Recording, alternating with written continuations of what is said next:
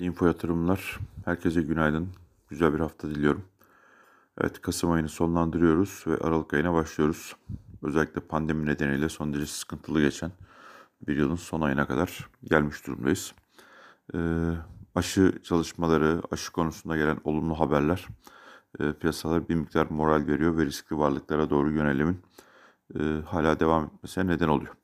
Ancak içeride Türkiye'de geçtiğimiz hafta açıklanan e, verilerdeki farklılaşma çok ciddi bir sıkıntılı süreçte karşı karşıya kaldığımızı gösterdi. Bir takım kısıtlamalar söz konusu. Ancak her şeye rağmen verilerin çok yüksek seyretmekte olduğu devam e, gözleniyor. Ve sürecin böyle devam etmesi önümüzdeki dönemde belki e, bu şeylerin e, biraz daha sıklaştırmasına e, belki hafta sonu tümden bir sokağa çıkma yasağı gibi farklı şeylerden söz ediyor. Bunun mutlaka ekonomik aktivite üzerinde bir etkisinin olacağını da unutmamak lazım şüphesiz ki. Ama genel olarak bakıldığında az önce de söylemeye çalıştım aşı konusundaki olumlu haberler bütün piyasalarda e, özellikle riskli varlıklara doğru yönelimi hızlandırıyor. Bu arada çok ciddi bir sürpriz ve yatırımcı açısından en önemli gelişme altın fiyatlarındaki gerileme. Sabah saatlerinde altın onsunun 1765 dolar seviyesine kadar gerilediğini görüyoruz. Çok uzunca bir süre 1850-1950 bandında seyreden ve e, yatırımcılar tarafından özellikle ETF'ler tarafından hep long pozisyonda yani fiyatının yükseleceği yönünde alınan pozisyonlar bir anda fiyatın terse dönmesi ki burada aşı konusunun çok önemli olduğunu e, düşünüyorum. Çok hızlı bir geri çekilmeyi beraberinde getirdi.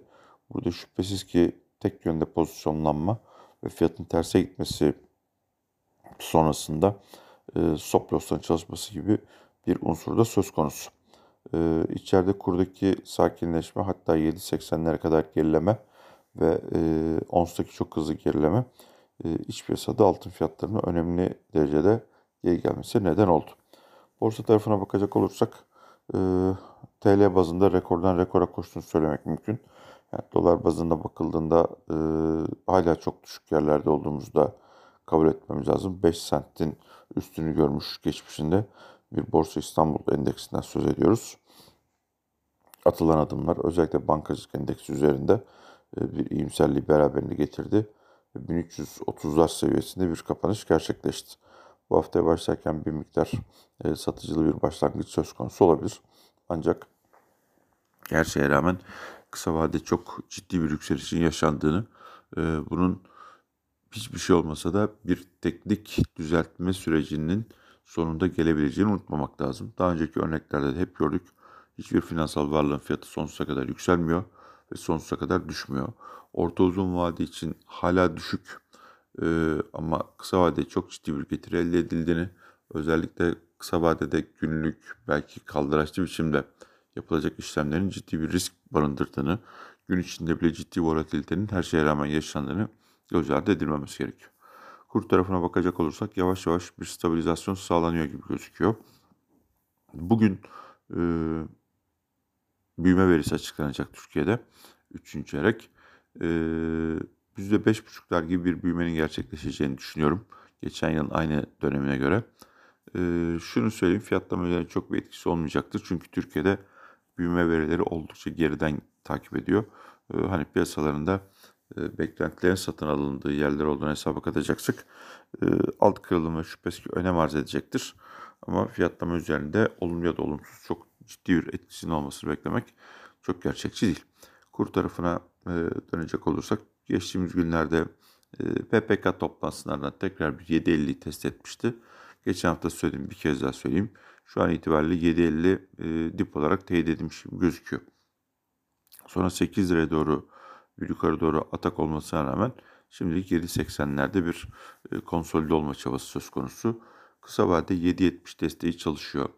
E, yabancı yatırımcı TL varlıklara yatırım yaparken içeride özellikle bireysel yatırımcının çok uzun süredir dile getirmeye çalıştığım hani o düşse de alsak e, stratejisi devam ediyor. Çok ciddi bir döviz talebi var vatandaştan.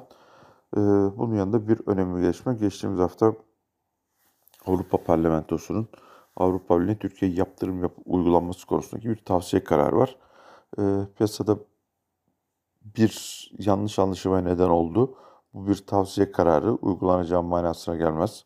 E, liderler kendi aralarında görüşecekler. Ama tabii Türkiye'nin önünde önümüzdeki özellikle yakın vadede Avrupa Birliği ile ilişkiler, e, Amerika ile ilişkiler, Biden'ın koltuğa oturduktan sonraki e, süreç, S-400 gibi e, bir takım önemli kritik konular var. Yani dış ilişkiler konusunda ya da dış siyaset konusundaki gelişmeler piyasalar üzerinde önümüzdeki dönemde yavaş yavaş bir baskı olarak kendini hissettirebilir. Herkese güzel bir hafta diliyorum. Sağlıklı, mutlu, huzurlu, bereketli, bol kazançlı. Ee, lütfen herkes koronavirüsten kendini en yüksek düzeyde koruyacak tedbirleri alsın. Ee, sağlık her şeyin başında geliyor. Sağlık sağlığımızı koruduktan sonra her şeyi korumak, kazanmak mümkün çünkü. Sevgiler sunuyorum. Görüşmek üzere.